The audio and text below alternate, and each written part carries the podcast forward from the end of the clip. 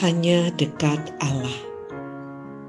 1 November 2021 Kepercayaan Ayub 31 ayat 24 sampai 28 Jikalau aku menaruh kepercayaan kepada emas dan berkata kepada kencana, Engkaulah kepercayaanku.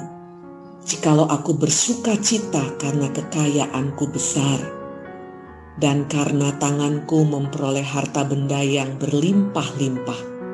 Jikalau aku pernah memandang matahari ketika ia bersinar dan bulan yang beredar dengan indahnya, sehingga diam-diam hatiku terpikat dan menyampaikan kecupan tangan kepadanya. Maka hal itu juga menjadi kejahatan yang patut dihukum oleh hakim.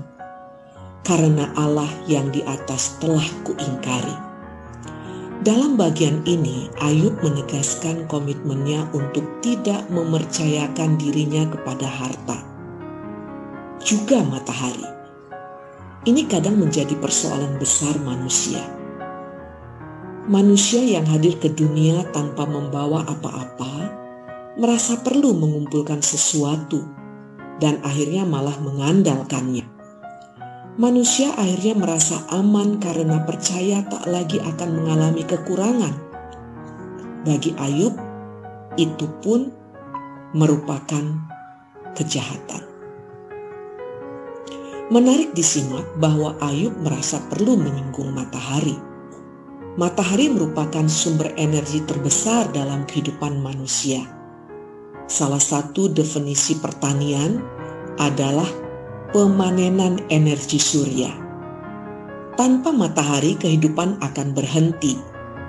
Mudah dipahami, banyak manusia mendewakan matahari, sebab tanpanya kehidupan menjadi lumpuh.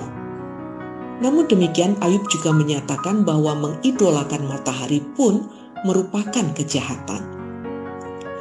Bagi Ayub, Allah lah yang semestinya mendapatkan kepercayaan dan hormat manusiawi. Mengapa? Baik emas, harta milik, maupun matahari cuma ciptaan Allah. Aneh rasanya, lebih menghargai ciptaan ketimbang penciptanya. Salam semangat dari kami, literatur perkantas nasional, sahabat Anda bertumbuh.